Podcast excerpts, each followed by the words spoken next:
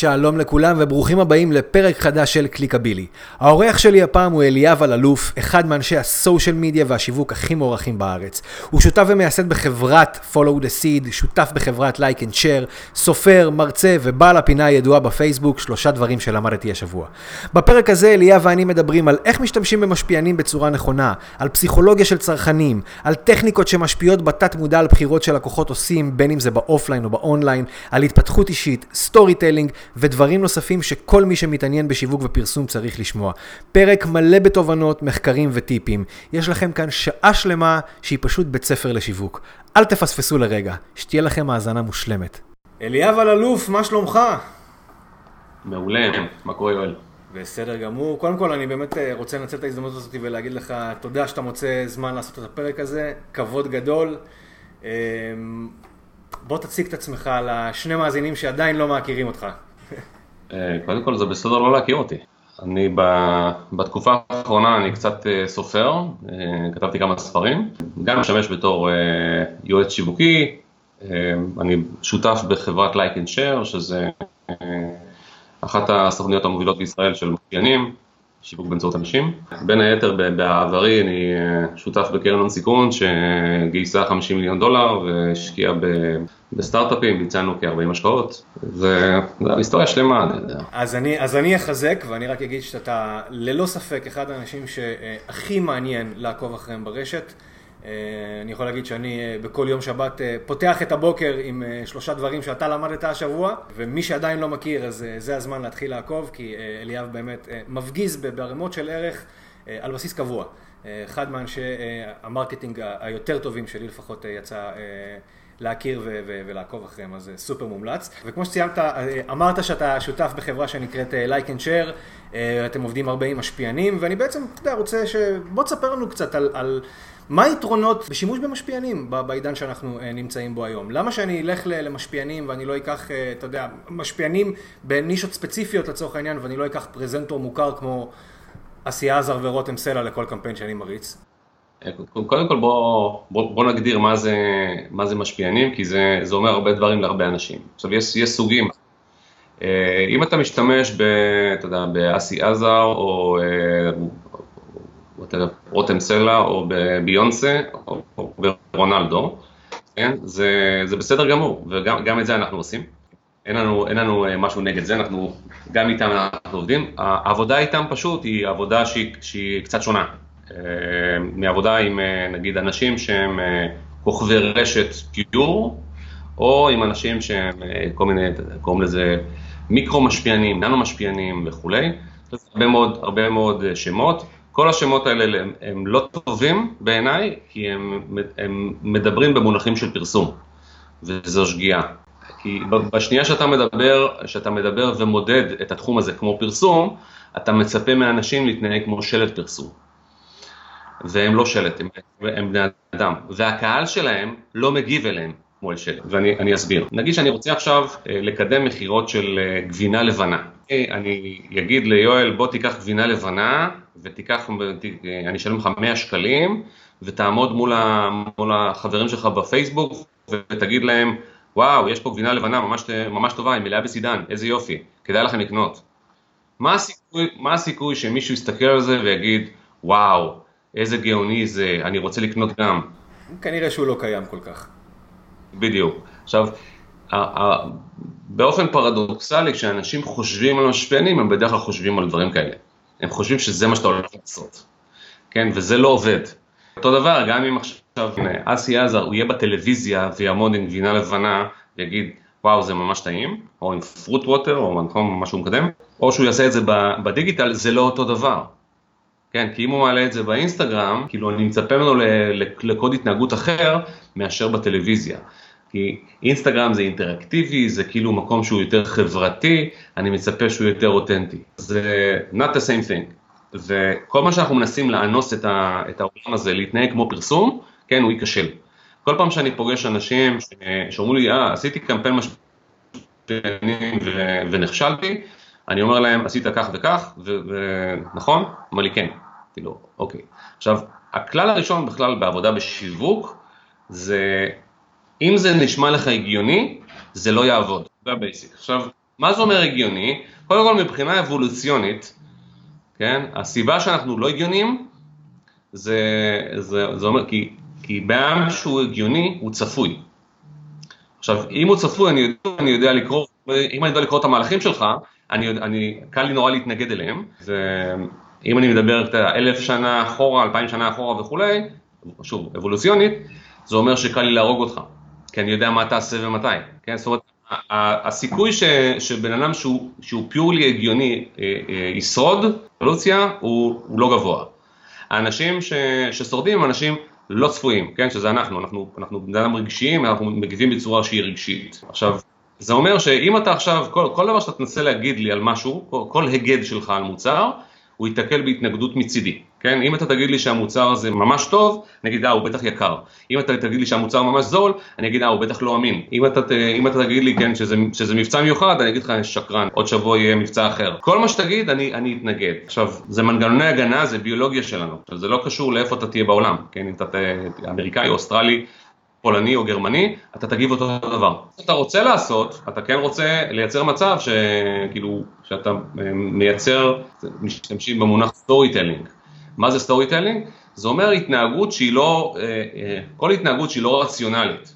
הרי תחשוב, אם משהו היה רציונלי, הוא, הוא, לא, היה עובד, הוא לא היה מעניין אותנו. כן, נגיד, כלב נשך בן אדם, זה לא מעניין, אלא אם כן אתה מכיר את הבן אדם, אבל בן אדם נשך כלב, זה מעניין. למה? כי זה משהו, זה משהו מוזר. כן, אה, דוד מול גוליית. מה, מה מלהיב אותנו בסיפור הזה? שגוליית הולך לדו קרב שאין לו נשק ואין לו שריון. אין לו חרב ואין לו שריון. זאת אומרת, איך הוא בא לדו קרב? זה מה שתופס אותנו. אה, זה שהוא קטן, זה שהוא אה, ללא, ללא נשק, יש לו רק, רק פרוגתקה, קלע עם אבן. המקום שלנו זה לבוא ולהסתכל מה, מה תופס אנשים. עכשיו, אני טיפה עשיתי הקדמה ארוכה, חזרה לעולם של משפיענים. אם אני רוצה עכשיו למכור לך את הגבינה ההבחנה הזאתי, אז אני אבקש, נגיד, מאנשים שהם אה, למשל ידועים בתור אנשים שהם, שהם אופים עוגות, כן?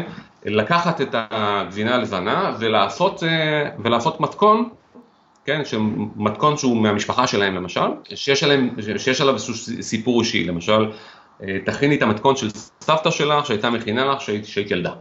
ואז היא מכינה עוגת גבינה של כמו שסבתא שלך הייתה מכינה לה כשהיא הייתה ילדה, והייתה, כל פעם שהייתה עצובה, סבתא הייתה מכינה לה את העוגה הזאתי, והיא הייתה יושבת, והעוגה מזכירה לה את סבתא. עכשיו, כשאני אומר סבתא, אתה לא חושב על סבתא שלי, אתה חושב על סבתא שלך. נכון? כי אתה מרוכז ב... בעצמי? עצמך. אתה, אתה, אתה האיש הכי חשוב בעולם, נכון? כל העולם קורה עבורך. נכון. ולכן, אה, כש, כשמישהו אומר לך, זה מה שסבתא הייתה מכינה לי, אתה חושב על מה, על מה סבתא שלך הייתה מכינה לך. אתה חושב על, על המשמעות של סבתא שלך לחיים שלך. ואז כאילו במתכון עצמו יש את הגבינה. עכשיו, מה שחשוב להבין ב, ב, ב, בכל קמפיין טוב, כן, שאתה לא הסיפור, המוצר לא הסיפור. כן, אתה, אתה בעצם מאפשר את הסיפור, אתה אנייבלר. וכל זמן ש, שאתה מבין את זה, שאתה לא הסיפור, הפרסומת שלך תעבוד יותר טוב. כמה שהמוצר שלך הוא יותר בשוליים של הסיפור, כן, הוא, הוא, הוא, ייראה, הוא, הוא ייראה יותר אותנטי והוא יותר יחדור, יחדור מבעד לכל המנגנוני הגנה. עכשיו לצורך העניין אתה, אתה גם יכול להיות כאילו, אה, אם אתה עכשיו נגיד אה, מישהו שהוא לא אמור לאפות עוגות, כן, אז מה פתאום אתה פתאום אופה עוגה עם גבינה לבנה? איך אני עוד פעם מוציא פה את העוקץ של החששות והחשדות? אני לוקח אה, למשל מישהו שאומר שנגיד הילד, הילדים ירדו עליו, או אשתו ירדה עליו, או, או במקרה של עזי עזר, הבן זוג שלו ירד עליו שהוא לא עושה כלום בבית. ואז הוא החליט דווקא לאפות עוגת גבינה מהסרטים. כן, דווקא להראות לבן זוג שלו שהוא, אה, שהוא, שהוא כן יודע להפות, ולא רק שהוא עושה עוגת גבינה אפויה, משהו שקשה לעשות. ועוד פעם, הסיפור פה זה כאילו העלבון שהוא, שהוא חווה, שדחף אותו לעשות משהו שהוא נורא נורא קשה. ובסוף הוא, הוא מציג את העוגה לרבה ואומר, אם אתם, אם אני יכול לעשות את זה, כל אחד יכול לעשות את זה, והנה המתכון. זאת אומרת שבעצם הפוקוס אף פעם של המשפיען לא צריך להיות על המוצר עצמו, אלא על הסיפור בגדול, והמוצר שם נמצא ברקע, אבל אתה יודע, בתת מודע עובר לנו שאם העוגה כל כך... הייתה מוצלחת, כנראה שגם הגבינה הספציפית הזאת היא חלק בלתי נפרד מההצלחה. אה, כאילו, תראה, אם אני מדבר על מוצר ספציפי, אתה תמיד תחשוב מה לא בסדר. לא משנה מה, אה, כל דבר שמציגים לך, אתה תחשוב מה לא טוב בו. זה טבעי, זה התנגדות טבעית. כן. אני עושה את זה, ב- יש לי, יש לי הרצאה שנקראת מוח קונה מוח מוכר, אה, אחד מהתרגילים שאני עושה שם, אני, אני מזמין אנשים כאילו לעשות סימולציה של כאילו של היכרויות של dating, ואז אני אומר לו, אני רוצה להכיר אני רוצה להכיר לך מישהי, אה, אני אגיד, אני, אני אגיד עליה מילה אחת, ואתה תגיד לי איך היא נראית, ואני אומר לו, היא בחורה טובה, איך נראית בחורה טובה? אה, כאילו, זה לא משנה מה, אתה יודע שהיא לא, שהיא לא דוגמנית על. אם אני שואל נגיד על גבר, כן, אם אני שואל את הבחור, יש, יש תמיד גבר ובחורה שאני מזמין, את הבחורה אני אומר אני רוצה להכיר לך מישהו, הוא בחור מצחיק. איך נראה בחור מצחיק? אז היא אומרת לי, אה, בדרך כלל אמורות אה, נמוך, או שמן, או גבוה ורזה עם טלטלים, או ג'ינג'י, או לא משנה מה. ואז אני אומר לה, מה זה אומר? לא אטרקטיבי, כן, הוא לא, הוא לא נראה טוב. ואיזה פעם הייתי בעיריית ירושלים ושאלתי, כאילו, למה, למה ג'ינג'י? כאילו, איך הגעת לזה? אז היא אומרת לי, תראה, אם הוא היה, אם הוא היה אה, אתלט חכם, אה, חזק, אם, אם הוא לא כל הדברים האלה, והוא היה צריך להסתדר בחיים, אז לא, לא, נשאר, לא, לא נשאר לו ברירה, והוא היה חייב להיות מצחיק. אז זה, זה משהו שהוא, שהוא טבוע בנו, ו, וזה גם כן מסוג הדברים שאני בדקתי אותם ב, ב, בהרבה מאוד יבשות וארצות, והתשובות הן אותן תשובות, זאת אומרת, זה לא תרבות ישראלית, זה, זה ביולוגיה, זה הדרך שבה המוח שלנו אה, פועל. אנחנו מניחים שאם, שהדבר הראשון שאומרים על מישהו, הוא, הוא, הוא הכי טוב שלו. ואז אתה מבין מזה מי הבן אדם. עכשיו, אם אתה אומר להם על מישהו, אה, כן, הוא בחור עם אה, שרירי בטן כזה, כמו, כמו סיקספק כזה, גוף חטוב, אז אומרים, מה, הוא בטח מרוכז בעצמו. ואם אתה אומר על בחורה שהיא יפהפייה, אז היא בטח טיפשה. אנחנו מלאים במגננות, ואז השאלה, כאילו, איך אתה פורץ את זה? אז יש כמה דרכים לפרוץ את זה. אבל כאילו הדרך הפופולרית ביותר שאנשים משתמשים, שמנסים, זה, זה להגיד לך כן, אבל, אבל הוא באמת טוב, הוא באמת זה, המוצר באמת איכותי, המוצר באמת טוב, הוא איש מקצוע באמת טוב, כן, הוא הגון, הוא הגון, אני, ואחרי זה מתפלאים שזה לא עובד. וזה העניין של, יש מה שנקרא, אני קורא לזה מוח קונה מוח מוכר, זה לא שיש לנו שני מוחות באמת נפרדים, אבל שאנחנו מגיבים בצורה אחרת כשאנחנו מוכרים ושאנחנו קונים. כשאתה מוכר אתה, אתה, אתה לא מבין למה אנשים אחרים לא מסתכלים על העובדות, וכשאתה קונה אתה, אתה לא מאמין לכלום, כאילו כל, כל המנגונים של, של הגנה עובדים, אתה, אתה מחפש כל מיני כללי אצבע שיעזרו לך אה, לקבל החלטה נכונה מהר, להגן על עצמך. לא, אין ספק ש, שהנושא הזה הוא, הוא בהחלט נושא מרתק, ובכלל כל השימוש במשפיענים זה, זה אומנות, זאת אומרת, אני יוצא לי להתקל בלא מעט אה, עסקים שבטוחים שאם הם ייקחו איזה אינפלואנסר באינסטגרם שיש לו 100 אלף עוקבים, זה יטיס להם את המכירות של המוצר, והם לא מבינים שצריכה להיות באמת אסטרטגיה שלמה מאחורי זה, וחשיבה, וזה לא רק אה, לקחת איזושהי דמות מוכרת, לשים את המוצר ביד, וזהו, זה מפה המכירות יטוסו. זה, זה, זה, זה יכול לקרות, אה, ב, זה יכול לקרות כאילו ש, שמשהו יצליח לך פעם ב... אה, if you're lucky, מה שנקרא, ואם אין תחרות בתחום שלך. אבל אם יש תחרות בתחום שלך, שלך, זה אומר שיש עוד אנשים שמנסים גם כן לשכנע את הלקוחות שלהם. ובאופן כללי אה, זה, זה מאוד מאוד מאתגר, וככל שאתה, שאתה עושה את הקמפיין הגיוני יותר, וכמו שלט קבוצות, כן, אתה אומר, אה, זה, יש פה בן אדם שיש לו מדיה, והוא כמו באנר, אז, אז לא הבנת. לי, כאילו, הקטע של, של עבודה של משפיענים, הדגש שלה היא קודם כל לייצר אמון. כן, זה היתרון של משפיענים, לא ריץ'. ריץ' אתה, אם אתה עכשיו מפרסם בפייסבוק, הכי זול לקבל, להגיע להרבה אנשים זה עם, זה עם פרסום בפייסבוק. הבעיה של פרסום בפייסבוק שהוא לא אומר לי שום דבר. כן, תחשוב על זה, אין, אין, בו, אין בו שום מטען למדיה עצמה, ואני אסביר. כשאתה רואה אה, לפני, לפני ש... קצת יותר משנה, עבדתי עם, עם, עם לקוח בניו יורק, ועשינו פרסום בסאבווי של ניו יורק, כן, ברכבת החצי. עכשיו, מה שהיה מדהים בפרסום הזה, זה הוא היה מאוד לא ממוקד, כן, כאילו יש לך הרבה מאוד אנשים שעוברים שם, זה, זה פרסומת כאילו שהיא נחשבת אה, לא, לא ממוקדת ולא, אה, אה, איך אתה משווה את זה בכלל לעולם של הריטרגטינג וכולי. אבל אם אני מפרסם בסאבווי, מה זה אומר עליי? שיש לך כסף? שיש לך כסף. זה אומר שהוצאת הרבה כסף. כשאתה קונה שלט חוצות באיילון, זה אומר שהשקעת הרבה כסף. זה אומר שאתה רציני. ו- וזה משהו שאין לך בפייסבוק. בפייסבוק כשאתה מעלה קמפיין, לא כתוב, כתוב, כתוב ספונסורד, אבל לא כתוב ספונסורד עשרת אלפים דולר, ספונסורד מאה אלף דולר. כן? אז אני לא יודע, מבחינתי יכול להיות שהוצאת 100 דולר על הקמפיין הזה. עכשיו, אם, אם הוצאת 100 דולר, יכול להיות שאתה, שאתה לא רציני. אין, אין פה שום סיגנל, אין, פה שום, אין, אין לי פה שום איתות על כמה אתה רציני וכמה אתה מחויב. אחד הדברים ש, שיש לך, שאתה קונה מחברה גדולה, זה שאתה יודע שבגדול הם לא ידפקו את הלקוחות שלהם. למה? כי יש להם יותר מדי מה להפסיד. זה, זה כלל אצבע, זה לא בהכרח נכון, אבל זה התחושה שיש לך. שאתה קונה ממישהו שהוא, שהוא אנונימי לחלוטין, אתה אומר, אוקיי, אם, אם מחר הוא נעלם, או לא רוצה לתת שירות, עם מי נדבר? איך אני יכול לפגוע בו בחזרה?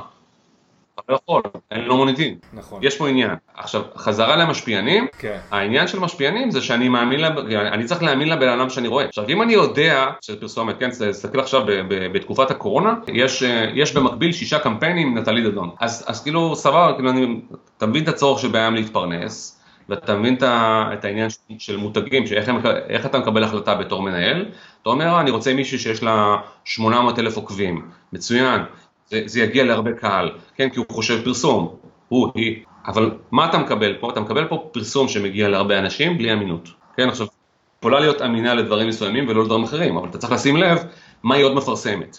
ספציפית, כאילו, אה, גם בלייק אנשר, עבדנו עם טלוויזיון כמה פעמים והיא עשתה עבודה טובה, לא, לא תחשוב, אבל זה גם תלוי באיך אתה, אתה משתמש בכלי.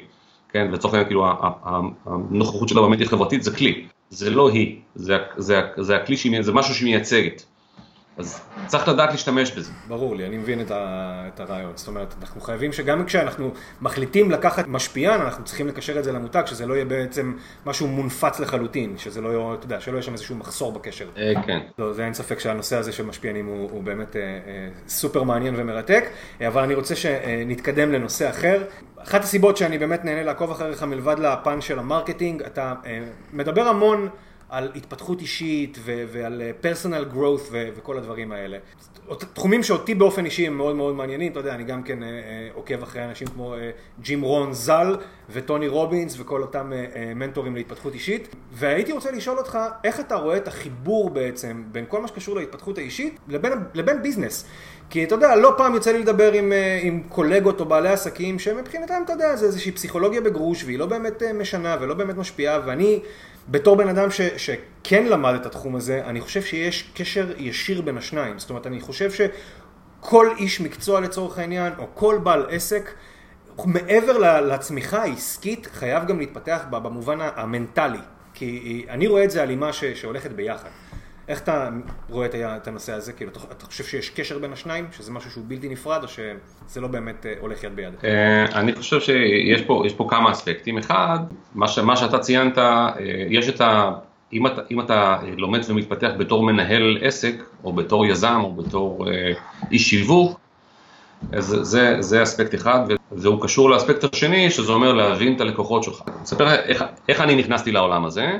אה, קיבלתי, אה, קיבלתי תפקיד, אה, כן, בזמנו עבדתי בגלובס, ואמרו לי תפתח, תפתח עמוד פייסבוק לגלובס. ופתחתי עמוד פייסבוק לגלובס, על אפי ועל חמתי, לא רציתי, חשבתי שזה בזבוז זמן, ו, ופתחתי את, את העמוד פייסבוק הזה, ופרסמתי לינקים, ואנשים לא נכנסו ל...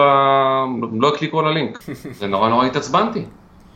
אמרתי, מה זאת אומרת? כאילו, הנה, אני עושה מה שצריך, נכון? הגיוני. אני פתחתי עמוד פייסבוק של גלובס, ואז אני אה, שם לינקים, ואני מזמין אנשים ללחוץ על הלינק, והם לא לוחצים. אוקיי. לא רק זה, אפילו אנשים התעצבנו ששמתי לינקים.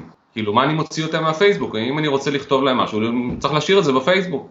ואז אמרתי, כאילו, זה לא הגיוני, אה, כאילו, העיתון רוצה שתגיע לאתר, הוא לא רוצה, הוא לא רוצה להישאר בפייסבוק, אז הבנתי שאני לא מבין. עכשיו, אה, כדי להבין אנשים אחרים, אתה קודם כל צריך להבין את עצמך, וזה לא קורה ביום. ו... ואז התחלתי כאילו לחפור וללמוד, ואז הבנתי שאני לא הסיפור, אני מספר הסיפור. ואם אני רוצה להשתמש באנלוגיה, אחד הדברים שאני חייב לאכול זה עוגות גבינה. אני מאוד אוהב, כאילו, אבל, אבל מה, כש, כש, אם, אני, אם אני אי פעם אלך לדוג דגים בים, אני כנראה לא אשים עוגת גבינה, אני אשים לחם או משהו כזה. למה? בשביל למשוך את הדגים? הדגים אוהבים לחם, לא גבינה. כן, עכשיו, הנקודה היא זה להסתכל על מה, על מה, מה הבעיה השני אה, רוצה. מה הוא צריך? מה מעניין אותו? לא מעניין אותך. ואנשים אנשים, אנשים מתעניינים בעצמם, לא בך, לא אכפת להם ממך. אם אתה תסתכל עכשיו איך אתה רשום אצל אנשים אחרים בטלפון, מה יהיה כתוב שם? לפי איך שמכירים אותך, הערך שנתת להם. כן, לא יהיה כתוב יואל דורון עולם ומלואו, נכון? לא, לא יהיה כתוב. יהיה כתוב יואל דורון זה שנותן לי משהו, זה שעושה לי משהו, עושה לי דיגיטל, עושה לי פרסום, עושה לי מדיה חברתית, עושה לי תוכן, נכון? זה יהיה משהו כזה. כן. זה לא יהיה, זה, זה, זה, אומר שזה מה שאתה עבורם, וזו השיחה.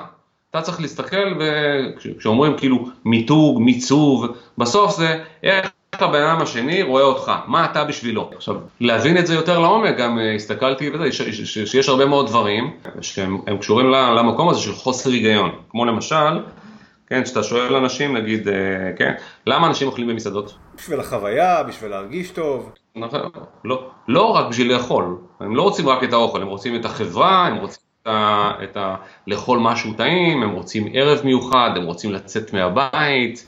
שירגישו שמפנקים אותם. כן, כזה, נכון? אגב, יש, יש איזה, יש מחקרים שמדברים על זה שאתה, שהאוכל שאתה מבשל הוא פחות טעים לך, לעומת אוכל שמבשלים לך. כי החיישנים של, החיישנים או הקולטנים של הר... באף שלנו, של הריח, התרגלו ל, לריח של הבישול, ואז החוויה של האכילה לא מרגשת אותם, כמו, כמו מישהו ש, שיושב בשולחן ומגישים לו אוכל. זאת אומרת, יש, יש שם הרבה מאוד, הרבה מאוד דברים שקורים ברקע. אה, למה אנשים קונים ספרים? רוצים להרגיש חכמים. עכשיו, כאילו, הקטע של אנשים לא קונים ספרים רק כדי לקרוא אותם, למעשה רובנו לא קוראים את הספרים שאנחנו קונים. אה, גם אנחנו קוראים, אנחנו קוראים אולי, אולי, אולי את הפרק הראשון.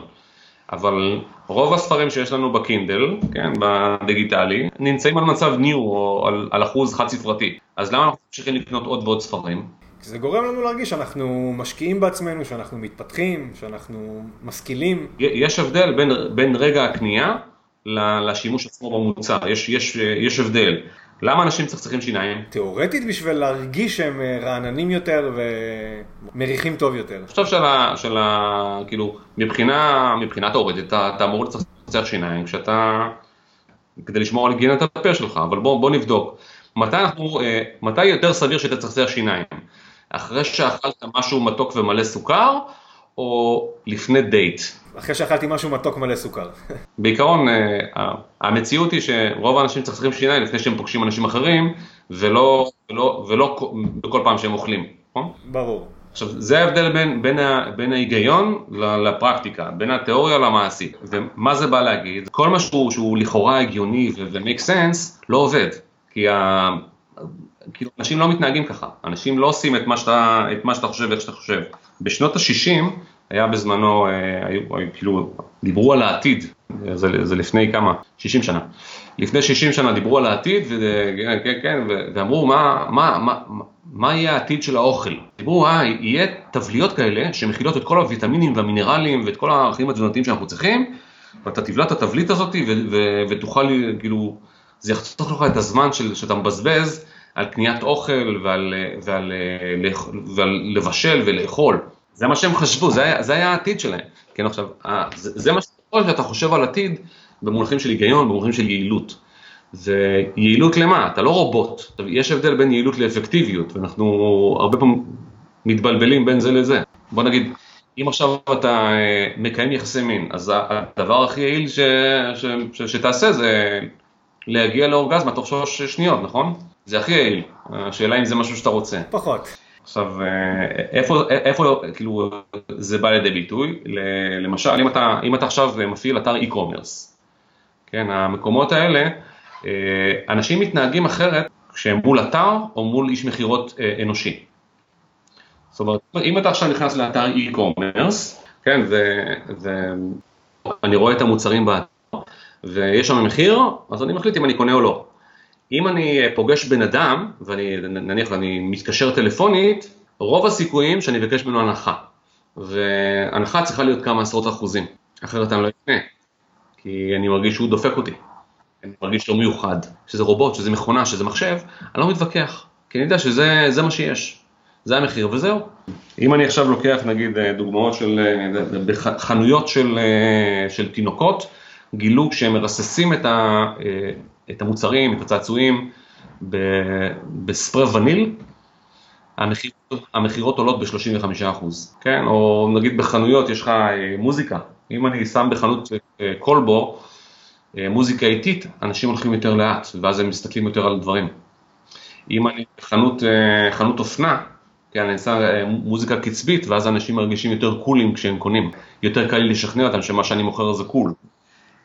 אם אני עכשיו שם שומר בכניסה לחנות, שומר, שומר גברי, גבוה, שרירי כזה, מה שזה עושה לאנשים, לנשים זה לא משפיע, על נשים, על גברים אבל, אם השומר הוא גבר, כן? מה שזה עושה לגברים, זה גורם להם לקנות יותר, ביותר כסף. רוב, ה, רוב הגברים הם לא, הם לא גבוהים, מטר תשעים שרירים בני 25 כמו השומר, ואז הם אומרים, אוקיי, כאילו, אבולוציונית, אם עכשיו היינו רבים על בחורה, הוא היה מנצח. איך אני יכול לנצח אותו? אה, יש לי ארנק. ואז הם, הם קונים בכפול כסף, הם קונים מוצרים יותר יקרים ממה שהם תכננו. ומה שיפה, שיפה בזה שהם לא מודעים לזה. מעניין. מאוד, זה, זה ניסוי שעשו בחנות, בחנות כלי בית בשוודיה. והקנייה הממוצעת עלתה מ-10 יורו ל-18 יורו לפריט, המחיר הממוצע, זאת אומרת, אנשים קנו אה, בפי שניים כסף כמעט, אה, בגלל שהיה שומר, אה, שומר בכניסה. הדרך לגרום לנשים לקנות יותר דברים, אגב, זה לשים נשים יפות. גם שנשים יודעות שהאישה בתמונה עברה, עברה איפור ו, ו, וצילומים עם אור מסוים וטכניקות ופוטושופ וכולי, זה עדיין עובד. גברים למשל יש להם בעיה להתמקח על מחיר עם אישה יפה. כאילו, אם אתה, אם אתה רוצה אה, שלא יורידו לך במחיר, תשים אישה יפה, והם יתביישו לבקש הנחה. עכשיו, עכשיו זה, זה הרבה מאוד אנשים, הרבה מאוד, כל מה שאני אומר, כן, זה לא עובד ב-100% מהמקרים, אבל זה, זה בהסתברות גבוהה. הנקודה זה להבין שיש הרבה, הרבה דברים שפועלים עלינו ואנחנו לא מודעים אליהם. כן, כשאתה נכנס לחנות יין ומתנגן ברקע שנסון צרפתי, אתה כנראה, כנראה שאתה תקנה שבלי, כן, צרפתי. ואם אתה נכנס ומתנגן את אה, מוזיקה אה, איטלקית, אתה כנראה תקנה קיאנט. אה, וכשישאלו אותך האם המוזיקה השפיעה לך, אתה תגיד, לא, מה פתאום? כי אתה לא מודע לזה שזה השפיע.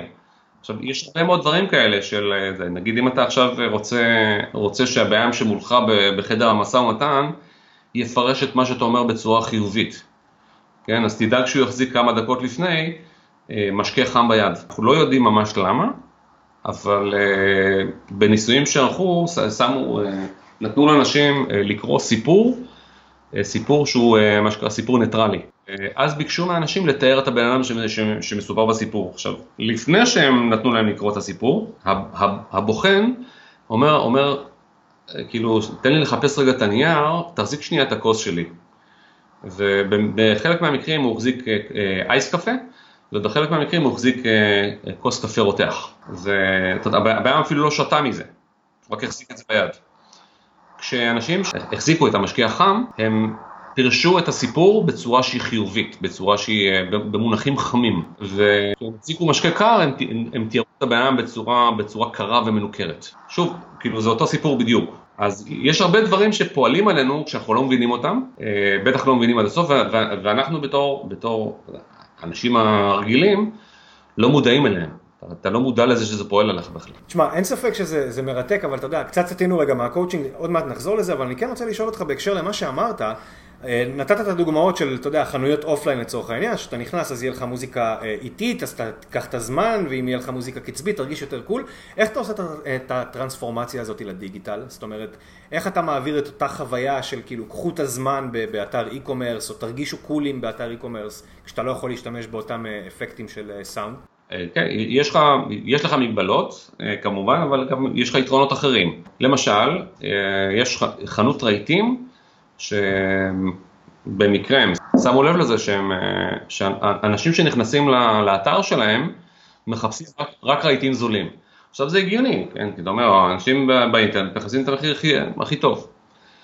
ואז כאילו מישהו שם שם, שם לב שיש שם, הדף נחיתה שלהם, היה שם עיגולים שנראו, שנראו כמו מטבעות. ואז הם שינו את העיצוב לעיצוב של עננים. שהוא נראה כמו עננים. ואז אנשים שנכנסו, אה, אני מדבר איתך כאילו לפני כן, במקרה של המטבעות, 84% חיפשו רהיטים זולים. אחרי שהם החליפו דף נחיתה לעיצוב של עננים, 78% חיפשו רהיטים נוחים, אוקיי? עכשיו, כששאלו אותם, שאלו את האנשים, האם העיצוב השפיע על ההחלטה שלהם, אמרו מה פתאום. ברור שלא. מה פתאום? זה כמו שאתה שואל אנשים, אה, כן, אה, תגיד, אה, זה, מה אתה אומר על פרסומת? הוא אומר לך, עליי זה לא עובד, כן, הפרסום, הפרסום לא עובד עליי. האנשים אחרים כן, אבל עליי לא. כן. עכשיו, אם אני, נגיד, אם אני רוצה עכשיו לגרום לך להעריך את העבודה שאני עושה על משהו.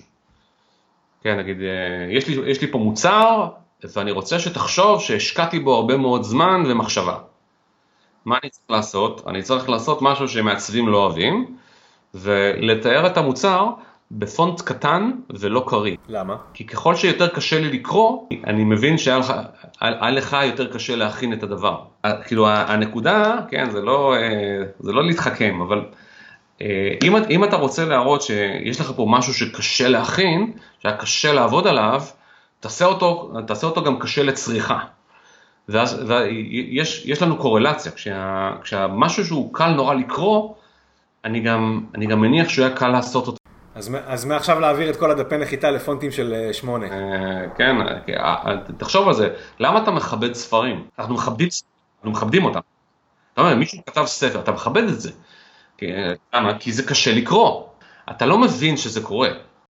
תשמע, זה, זה, אתה יודע, זה באמת, זה מטורף. כאילו, אתה, יש כל כך הרבה אלמנטים ש, שאנחנו לא, לא שמים אליהם לב בכלל. גם, גם מהצד של המפרסמים, אתה יודע, אנחנו הרבה פעמים כבר עובדים באיזשהו מקום על, על... אנחנו מכירים את המדיה, אנחנו יודעים מה צריך לעשות, ובאמת כל ה... ה... להסתכל מעבר, על לחשוב מעבר, כאילו, גם שאת... גם אם אתה לא איש שיווק ב-DNA שלך וסיימת קורס עכשיו של מנהל קמפיינים, אלה תחומים משלימים שאתה חייב לעשות. זאת אומרת, זה שאתה יודע את הפן הטכני של איך להרים קמפיין בגוגל או בפייסבוק זה, זה יפה, אבל חשוב מאוד בעיניי כן להתעמק ב- ב- בתחומים משלימים בשביל לקבל, אתה יודע, את, את התמונה המלאה באותו תהליך, באותו מסע לקוח שאתה הולך להעביר את הגולש. מסכים איתך, והנקודה היא, הנקודה היא בדיוק זאתי, שכל דבר, אני זוכר שמה שהתחלנו איתו, שכל דבר שהוא מרגיש לך הגיוני, הוא כנראה לא יעבוד. כן. הוא, הוא כנראה הוא לא יהיה הדרך הכי אפקטיבית לעשות את הדבר, את הדבר וזה קשור לזה ש, שכל דבר שאנחנו עושים מתעלם מאיך, מאיך שאנחנו אה, חושבים, ואנחנו בדרך כלל חושבים עם הרבה מאוד רגש, אנחנו לא יצור הגיוני עם, עם, עם רגשות, אנחנו יצור רגשי עם קצת היגיון.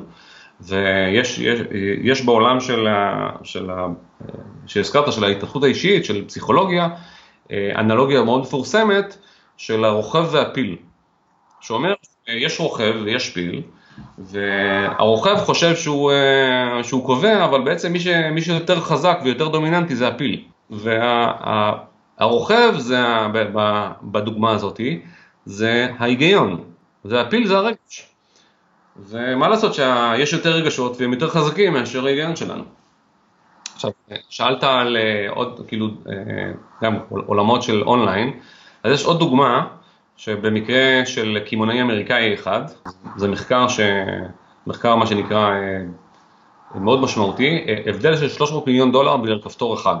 בדרך כלל כשאתה נכנס לאתר, לאתר e-commerce, מה אומרים לך? כאילו, בהרבה מאוד אתרים אומרים לך בוא תירשם, או שתיכנס עם הסיסמה שלך, אם אתה כבר רשום. עכשיו, מה קורה שאצל הרבה אנשים הם שכחו את הסיסמה, אתה, אתה לא זוכר את הסיסמה בהכרח. ואז מה אתה עושה? או שאתה עושה forgot password, או שאתה יוצא החוצה. אז זהו, אז רוב האנשים מוותרים. כן, כי אתה... אין לי כוח. כן, עכשיו, עכשיו, כבר שם אתה מבזבז אה, אתה בין 50 ל-70 אחוז מהטראפיק שלך, על, על השטות הזאת. עכשיו, זה חבל, אה, ומה שעשו באות, באותה חברה אמריקאית, הם שמו ב, ב, באתר שלהם אה, כפתור נוסף שנקרא Continue. ומה זה אומר Continue? זאת אומרת, אם אתה לא זוכר מה הסיסמה שלך ואתה לא רוצה להירשם עכשיו, פשוט תחץ Continue, המשך. ואז אתה נכנס, לה, אתה, אתה, אתה ממשיך עם הקנייה שלך, כמו, כמו כל משתמש רגיל באתר, אה, למעט סייג אחד, ברגע שאתה מוכן לקנות, אז יבקשו ממך להירשם. ואז אתה כבר תהיה הרבה יותר בשל. ואז כבר השקעת זמן, השקעת זמן ואתה, יש לך דברים בסל קניות ואתה רוצה לממש אותם. עוד, עוד נקודה שהיא חשובה על, ה, על ההיגיון המופלא של האנשים, עשו כל מיני מחקרים, בדיקות, וגילו שאנשים מעדיפים לקבל משלוח של 6 דולר בחינם, מאשר 10 דולר הנחה על המוצר. כאילו מבחינה כלכלית טהורה, אתה אידיוט, נכון? כן, אתה מוותר על 10 דולר. אתה, אתה, אתה, אמור, אתה אמור לרצות את ההנחה הגדולה יותר, אבל אנשים, לא, העניין של אנשים שהם שונאים לשלם על משלוח, כאילו גם, גם אני, כן, זה לא, זה לא רק הם. כולנו.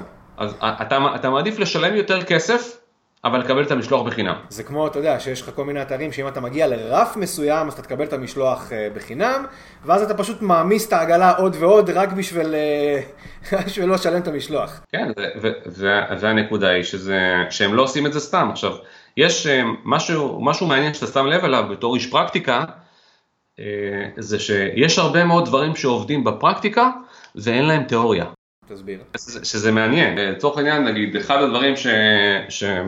שלמדנו בהרבה מאוד שנים של עבודת מדיה חברתית ודיגיטל, זה שאם אני שם כותרת, כן, של, שאני אומר בה נגיד שמונה דברים שאתה חייב לדעת לפני שאתה קונה אה, נדל"ן ברומניה. זה יעבוד יותר טוב, זה ימשוך יותר קהל מאשר עשרה דברים או חמישה למה? כי חמישה ועשרה זה כזה, אולי, אולי זה, זה נשמע נדוש כזה. אז אם אתה אומר, אם הוא שמונה דברים, אז כנראה שזה מספר אמיתי. גם אם אני שם תשעה, או שמונה, או שבעה, או שמונה, המספר האי-זוגי ינצח את המספר הזוגי. יותר אנשים מקליקים על אי-זוגי מאשר על זוגי. למה? Uh, כאילו, עכשיו אתה שואל למה, אין הסבר. אין לזה תיאוריה. עכשיו, אתה, אתה מבין? יש לזה, בפרקטיקה זה עובד, אנחנו כן. יודעים שזה עובד, זה, אה, בדקתי את זה גם, גם חוץ מהאינטואיציה שלי ומה שאני ראיתי, בדקתי את זה גם, גם עם טאבולה וגם עם Outbrain. כן, טאבולה ו-Outbrain הם עדיין שתי חברות נפרדות, בקרוב חברה אחת, אבל הם החברות שמגישות הכי הרבה תוכן בעולם. זאת אומרת, הם יודעים שזה עובד, הם יודעים שזה ככה. אז בגלל זה זה שלושה דברים שלמדת השבוע ולא ארבעה דברים? לא, אבל חזק. זה, זה כן, אתה יודע, המחקר הזה באמת, מי שקצת מתעמק בקופי וכל הדברים האלה, אז באמת ההמלצות הן תמיד אה, לא ללכת על מספר עגול ושלם, וכן לחפש את, ה, את, ה, את האי-זוגי. שוב, אין, אין הסבר, מטורף. מה, מה אתה עושה במקרה שיש לך אה, שמונה דברים? אז אתה יכול לרשום אה, שבע ועוד בונוס. בדיוק, שבעה ועוד בונוס. אתה למה אני עושה את הבונוסים בשלושה דברים. הבנתי אותך. הקטע של הבונוס גם, אה, תחשוב על זה שבהרבה, אני, אני הרי כותב אה, טקסטים של אה, נגיד אלף מילים. אלף מילים בפייסבוק זה לא קל לקרוא. בכלל לא. וכן, זה, זה, זה, בספר זה קלה קלות, כאילו, בספר אני מדבר על זה, זה שלושה עמודים, זה לא קשה, אבל ב, במדיה של דיגיטל זה קצת ארוך, זה, בטח אם אתה קורא בסלולרי. אז אני מוסיף לך עוד בונוס. אז בכלל. הקטע של הבונוס זה בדיוק שתגיד, אוקיי, קיבלתי אקסטרה, ולא, או, יש לי עוד לקרוא, זה, זה, זה עושה reframing, uh, אני מנסח מחדש את, ה, את הדבר. אז אפרופו uh, uh, שלושה דברים באמת, אני רוצה שקצת נדבר על זה. Uh, למי שלא מכיר, uh, אני, אני אסביר ככה בקצרה, בעצם לך יש... נקרא לזה טור אישי שאתה כותב בפייסבוק כל יום שבת בבוקר, שלושה דברים שלמדת השבוע. אני חושב שמעבר, יותר מהתוכן שאתה מעביר שם, מה שבעיניי אה, אה, מעורר הערכה, זה התמדה. אתה עושה את זה שבוע אחרי שבוע כבר, אלוהים יודע כמה זמן. אז אני רוצה שתספר לי קצת בכלל כל התהליך הזה, מאיפה בא לך הרעיון, אה, האם מראש ידעת שאתה הולך להפוך את זה למשהו שהוא קבוע ואתה הולך לרוץ איתו קדימה, או שזה יתגלגל תוך כדי תנועה, תספר לי קצת על החשיבה שמאחורי כל הקונספט הזה. קודם כל זה, זה, העניין הזה של השלושה דברים שלמדתי בכל שבוע, זה, זה התחיל מתהליך שהייתי עושה עם עצמי. הייתי, כל שבת בבוקר הייתי יושב, ושבת בבוקר זה, זה הזמן של, אתה יודע, שיש לך שקט, שאף אחד לא מצפה לך לעשות שום דבר, אף אחד לא מתקשר אליך, אף אחד לא שולח אימיילים, אין שום דבר דחוף ובהול שצריך לטפל בו, יש לך את הזמן שלך לעצמך. ואתה, התעוררתי בבוקר. אתה יושב לך במרפסת או בגינה, ואתה מסתכל על השבוע שהיה, על השבוע שיהיה, אתה, אתה רואה מה עשית טוב, מה לא עשית טוב, מה צריך לשפר, איפה אתה צריך אה, לגדול, מה, איפה טעית, מה היית עושה אחרת, וכולי וכולי. בהתחלה זה, זה היה מתחיל, זה התחיל מכזה מ-10 דקות, ואחרי זה נהיה חצי שעה, ואחרי זה נהיה שעה ושעתיים, וזה זה עשה לי כזאת הרגשה טובה, שפשוט התחלתי להתמיד בזה ולעשות את זה יותר ויותר. אחרי כמה שנים, כמה שנים לתוך הסיפור הזה, אני פתאום, אה, כאילו, החלטתי לכתוב את זה בפוסט, בפייסבוק. וכתבתי כזה בנקודות, אה, כמה, כמה תובנות שעלו לי באותו שבוע, כמה דברים שהבנתי. אה, אתה יודע, כאילו היה שם משפטים כזה שנשמעים כמו עוגיית מזל סינית כזה, של זה שהזמן שלך חשוב, זה לא אומר שהכסף שלך לא חשוב וכולי. כתבתי כאילו פוסט והגיבו לזה קרוב ל-800 איש. ואמרתי, אוקיי, יש פה, יש פה משהו שמעניין. ואז שבוע אחרי זה כתבתי עוד פעם, ואז אנשים אה, כאילו התלהבו שוב, זה לא היה משהו חד פעמי. ופעם שלישית שכתבתי, התחילו לכתוב, אה, מתי ספר? אז אמרתי, אוקיי, כאילו זה קל לכתוב ספר, קל, קל לכתוב מתי ספר, אה, סיפור אחר זה לכתוב אותו, וסיפור אחר לגמרי זה לקנות אותו. קל להגיד. אבל אה, כן, כן התחלתי לכתוב. עכשיו באיזשהו שלב אמרתי, מה אני כותב רק את התובנות? אני צריך לכתוב איך הגעתי לתובנה. אז סיפרתי נגיד את האנקדוטה, או את המחקר, או את הספר שקראתי, או את המצב ש, שגרם לי להבין את הדבר. אה, מה שקרה שכאילו באיזשהו שלב זה נהיה כבר, אנשים נורא נורא התרגלו לזה. ואז ברגע שאנשים מתרגלים למשהו, אתה לא יכול לאכזב אותם, ועכשיו כל שבוע אתה צריך לשבת ולכתוב בבוקר, אז אני כבר כל שבוע מתכנן, במהלך כל השבוע, מה אני הולך לכתוב בבוקר, אני צריך להבין, כאילו, עכשיו, כל דבר שקורה לי, אני אומר, רגע, זה מתאים, לא מתאים? עכשיו, קוראים לך עשרות דברים בשבוע שהם יכולים להיות רלוונטיים, אבל לא כולם טובים מספיק, ואתה לא רוצה לאכזב אנשים, אז אתה חייב כל הזמן להשתפר ולהתקדם. ואז אני גם, גם התחלתי לשכלל את, העניין ולפתח הרגלים, כן, כמו למשל לקרוא ספר בשבוע. ואתה מצליח לקרוא ספר בשבוע? לפעמים קורא יותר מספר בשבוע. וואלה, אוקיי. זה עוד פעם, זה, זה תלוי בתקופה ותלוי ב... אבל כאילו, יש לי גם שיטה אה, שאני אני בעצם לוקח נושא שהוא חשוב לי, שהוא מעניין אותי, ואני שואל, אני שואל שאלה, ואז אני מצפה מהספר למצוא לי, לתת לי את התשובה לשאלה. זאת אומרת, אני לא בהכרח קורא את הספר כמו שהוא כתוב, אלא אני קורא אותו כמו שאני רוצה למצוא אותו. מקרים נדירים אני קורא את הספר כמו שהוא, כאילו, כי רוב הספרים לא כתובים טוב. רוב הספרים כתובים מתוך איזו אג'נדה של מי שכתב אותם, והם לא כתובים עבורו קורא. אה, נגיד, הדרך שאני, שאני כותב, כאילו, שאני כותב את הספרים שלי, היא, היא, היא במודל, במודל כזה של, אה, אני קורא לו אמת מעשית. כן, אני, אני רואה בעצמי עוצר ולא סופר. מה שאני אומר, אני, כאילו, אני אומר, התפקיד של העוצר, העוצר זה, זה בעיה במוזיאון או בגלריה, שמייצר לך תערוכה, ולתערוכה יש נרטיב, יש לה, יש לה נושא מסוים, והוא אוסף את הדברים הרלוונטיים כדי להעביר את, ה, את הנרטיב המסוים. עכשיו, גם פה, אם אני עכשיו רוצה לדבר איתך על אה, איך, איך לקבל העלאת שכר בתור, בתור עובד שכיר, או איך להתמודד עם, עם בקשה להעלאת שכר אם אתה, אם אתה הבוס של אותו שכיר. אני שואל הרבה מאוד שאלות ואני מקבץ הרבה מאוד מחקרים ומידע וכולי בצורה נורא תמציתית. עכשיו, הנקודה זה ש, שרוב הרעיונות שמופיעים בספרים שלי הם לא שלי. כן, הם, אני כותב, כאילו שזה מתוך מחקר, וזה מתוך ספר, וזה מתוך uh, הסיפור הזה, וזה הסיפור ההוא. Uh, כאילו, אבל לך בתור מנהל זה לא משנה של מי הרעיון. אתה רוצה, אתה רוצה ליישם אותו ולהצליח. אז אני נותן את הקרדיט לאנשים שהגו את הדברים, אני מניח שרוב האנשים, אה, רוב המידע בעולם ורוב הידע בעולם אה, נמצא מחוץ, ל, מחוץ למוח שלי. כן, אז אה, אני אומר, אם יש אנשים מבריקים שעשו את העבודה שלהם ואני יכול לקנות את, ה, את הידע שלהם במחיר של, של לא יודע מה, 15... של ספר. ספר, כן. 15 דולר ושעתיים, ואתה יכול לקבל את ה...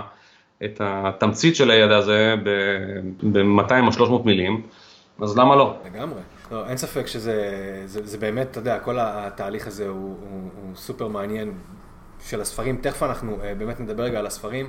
אני רק רוצה uh, לסגור את הפינה של, ה, של, ה, uh, של הטור עצמו. אז בעצם התחלת, אתה יודע, מאיזשהו צורך שלך uh, uh, לעשות את השלושה דברים שלמדתי בשבוע, העלית את זה לפייסבוק, ראית שיש שם, uh, שם בשר, יש לזה קהל, יש לזה uh, אנשים. באיזשהו שלב אמרת כאילו אני ממשיך עם זה כי זה כיף לי ואני לא רוצה לאכזב את האנשים, או שאמרת גם מבחינה שיווקית שאתה יכול לתרום את זה לצרכים האישיים שלך ואתה יודע, זה נתן לך את הדרייב למנף את זה עוד יותר. האמת שזה מחבר אותי לנקודה שהתחלנו ממנה, זה משהו שגם, הוא, הוא, הוא גם כאילו מפתח אותי באופן אישי, כי uh, בגלל שאני חייב uh, לספק, uh, לספק סחורה כל שבוע בצורה עקבית ללקוחות שלי, לקוראים. אתה מרגיש שאתה חייב ללמוד דברים חדשים. אני חייב, ואז זה, זה, זה מכריח אותי להתפתח, והכוח הזה, זה גם הפך להיות כבר הרגל שלי. זאת אומרת, אני, אני עכשיו, אם אני, אם אני אקום בשבת בבוקר ולא יהיה לי כאילו את, ה, את הדבר לפרסם, את החומר לפרסם, אני ארגיש מוזר מאוד. וזה אומר שגם שהייתי חולה, כן, הייתי חולה עם, ווטאבר, 39 חום, בהודו, באיזה, עם פילות, והיה לי איזה חיידק או ווטאבר, גם אז דאגתי לפרסם. זה כאילו, זה לא, אותך זה לא מעניין מה אני מרגיש, אותך מעניין מה אתה מרגיש.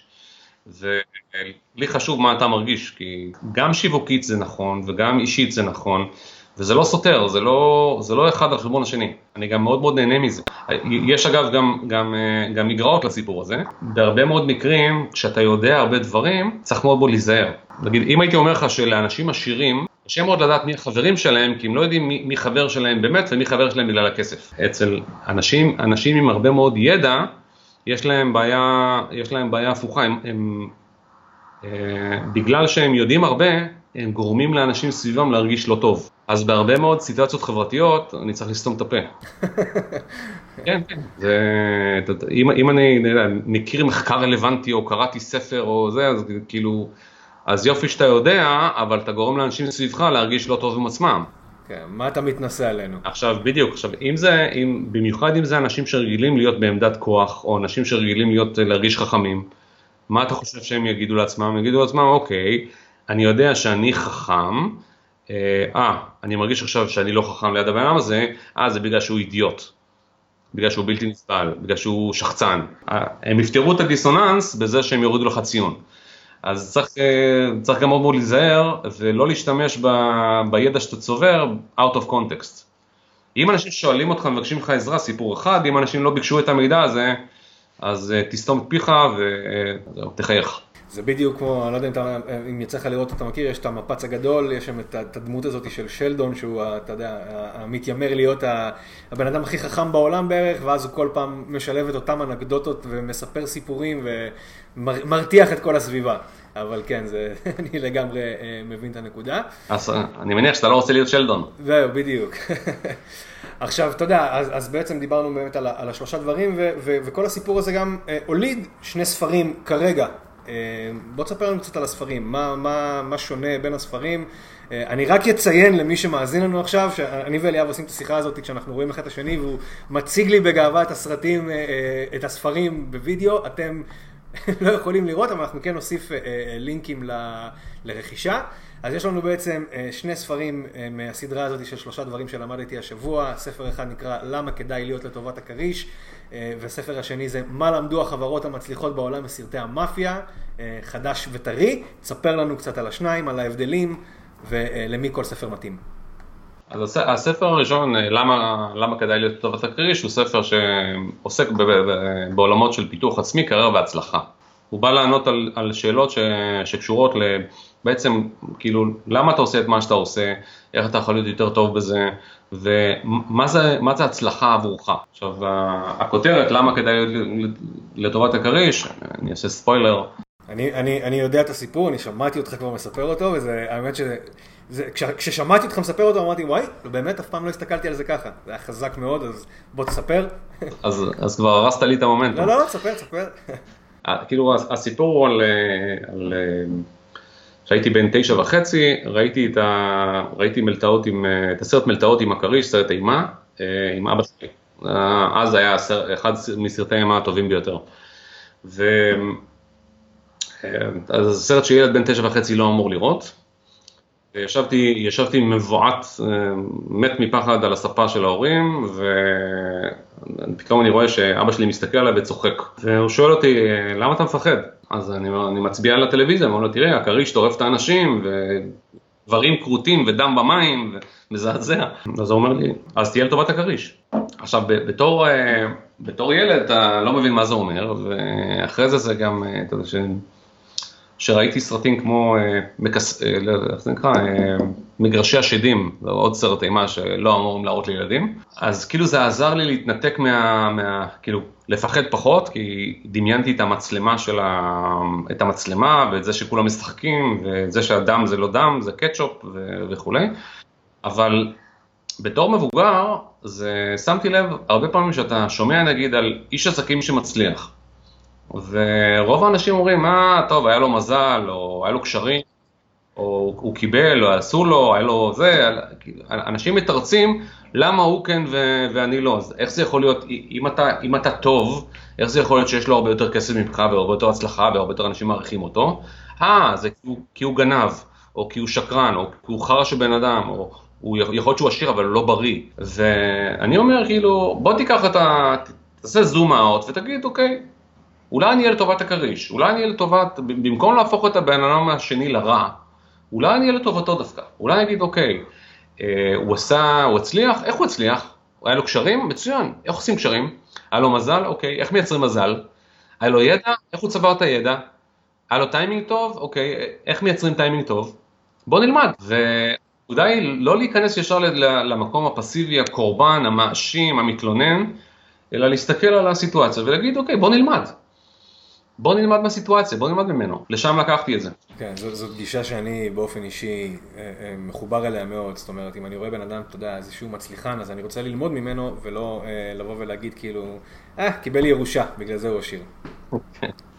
אה, עכשיו, אה, הספר השני, הוא מדבר על, כאילו, הוא ספר שעוסק יותר בשיווק, יזמות ואסטרטגיה.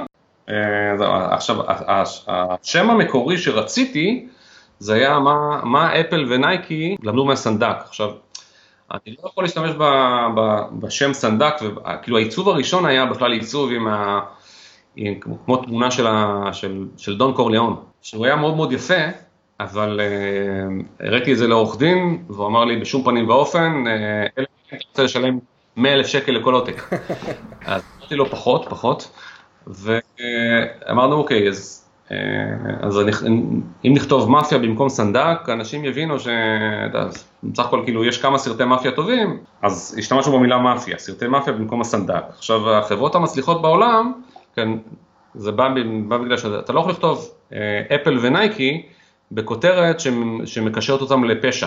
אז uh, השתמשתי בחברות המצליחות בעולם, סרטי המאפיה. עכשיו, הספר הזה מדבר על הקטע של, אה, תובנה אחת, כן, תובנה אחת מתוך 200 אה, ומשהו שיש בספר, תחשוב על הסרט הסנדק, מה מיוחד בו? אז חוץ מזה שהוא היה בזמנו הסרט הכי מצליח ושובר הקופות מספר אחת בעולם, שנת 70. אה, זה היה גם הפעם הראשונה שאנשים אהבו את הגיבור והגיבור היה פושע. עכשיו אתה אומר, איך זה יכול להיות שהגיבור הוא פושע? עכשיו, זה לא סתם, זה לא מישהו שנקם במישהו, אלא פושע, בן אדם שחי מפשע. בן אדם שהעסק שלו זה פשע, זה, זה לשחד שופטים ושוטרים ולהתעסק בפרוטקשן. ולחסל את התחרות בכל צורה אפשרית. וכולי וכולי. עכשיו, איך זה יכול להיות שאנשים נורמטיביים, שהציבור אה, הציבור הרחב בעולם, מסתכל על הסנדק בצורה, של, בצורה חיובית? ואם אתה מסתכל על התסריט של הסנדק, הוא מבריק, כן? ב, ב, כי, כי מה הוא אומר לך? הוא, הוא בעצם יצר מצב שאין בסרט אנשים טובים. בעצם הוא יצר שלושה סוגים של אנשים. אחד זה אנשים שהם, שהם טובים, אבל רעים. הסוג השני זה רעים שהם רעים, והסוג השלישי זה רעים שהם טובים. עכשיו, הסוג הראשון, מה זה טובים שהם רעים? זה אנשים נורמטיביים, אנשים מהשורה, נגיד אה, קיי, אשתו של מייקל קורליאון. כן, אה, זה דיין קיט. מה, מה, מה אתה עושה עם, עם בחורה כזאת תמימה, זכה, וכאילו שאין עליה, היא לא, היא לא עשתה שום, היא לא פגעה באף אחד, אז עשו אותה טיפשה. הפכו אותה לטיפשה. היא שואלת שאלות כזה שאתה לא אמור לשאול, כמו, אה, מה זה הצעה שאי לסרב לה? או שיש את הדמות הראשונה, בסצנה הראשונה יש את בונוסרה שהוא הקברן, אה, הוא עובד, הוא עובד, הוא עושה קבורה נוצרית, שזה, הוא, הוא בא לבקש מהסנדק טובה, שהסנדק ישלח אנשים אה, אה, לפגוע במי שניסה לאנוס את הבת שלו, והוא אומר, אוקיי, כמה לשלם? אני רוצה שתרצח אותם. בעצם הוא מזמין רצח. אז יש לך אזרח מהשורה, כן, לכאורה אדם נורמטיבי, שבעצם משקר ומזמין רצח. כן, אז, אז, אז הוא לא אזרח מהשורה, הוא לא, הוא לא, אדם, הוא לא אדם ישר. ויש את השוטר, כן, מפקד המשטרה מקלסקי, שלוקח שוחד מהסוחר סמים, שהוא הוא, הוא עובד בתור שומר ראש של סוחר סמים ידוע. ואז אתה מבין שבעצם כל, ה, כל העולם הזה מושחת ואין על מי לסמוך וכולם לא ישרים או טיפשים או זה, ואין לך עם מי להזדהות בתור צופה. עכשיו אתה לא מבין את זה, אתה מרגיש את זה. מצד שני, הרעים הם ממש רעים. כן, הם, הם בוגדניים, אי אפשר לסמוך עליהם, הם רוצים לעשות כסף בכל מחיר, ותחשוב על זה, הקבוצה השלישית, שזה בעצם הסנדק, כן, הסנדק, זה דון קורליונה והבן שלו, מייקל קורליון, שזה אל פצ'ינו, מרלון ברנדו ואל פצ'ינו. למה יורים במרלון ברנדו? כי הוא סירב למכור סמים. אוקיי, בגלל שהוא איש ערכי, ירו בו. עכשיו, הבן שלו, למה, למה הבן שלו מייקל הפך להיות פושע? מי זה הבן שלו? הבן שלו הוא קצין צבא. כן, הוא, הוא, הוא, הוא חזר ממלחמת העולם השנייה, הוא היה בצבא, זאת אומרת הוא גיבור. במלחמת העולם השנייה זה... זה המלחמה שהפכה את ארה"ב למעצמה עולמית, ובארצות הברית מי שחזר מהמלחמה נחשב לגיבור. כל הקצינים של הצבא הם קיבלו, קיבלו תפקידים וקיבלו המון המון קרדיט והערכה. והם הצילו את העולם מהנאצים. ואתה מסתכל על זה, אתה, אתה אומר, אוקיי, יש, יש פה גיבור מלחמה שחזר הביתה, ומה הוא עושה בסך הכל? הוא מגן על המשפחה שלו. למה הוא לא הולך למשטרה? תראה, המשטרה מושחתת. הקצין משטרה מרביץ למייקל קורליאונה שהוא שואל אותו, למה אתה לא שומר על אבא שלי? למה אין פה שומרים, אה, למה אין פה שוטרים שהם, שומרו על חייו? למה, למה ביקשת לפנות אותם? אז הוא, הוא, הוא, הוא חובט לו בפרצוף והולך. אין על מי לסמוך. אז אחרי זה הוא, אה, הוא הולך ו, ו, ויורה בסוחר הסמים ובשוטר הזה. למה? כדי להגן על אבא שלו, כדי להגן על המשפחה. עכשיו שים לב, הם השתמשו במילה משפחה ולא, במש... ולא במילה ארגון פשע. עכשיו, עכשיו המיל, המילה מאפיה לא מוזכרת בסרט. המילה ארגון פשע לא מוזכר בסרט, המילה קוזה נוסטרה לא מוזכרת בסרט. אה, עכשיו, כל הדברים האלה, יש לך, יש לך, יש לך אומן ששרטט ממש תסריט גאוני, שמייצר לך מציאות שבה הטובים זה בעצם הרעים שהם טובים. עכשיו, איפה זה רלוונטי לחברות מסחריות?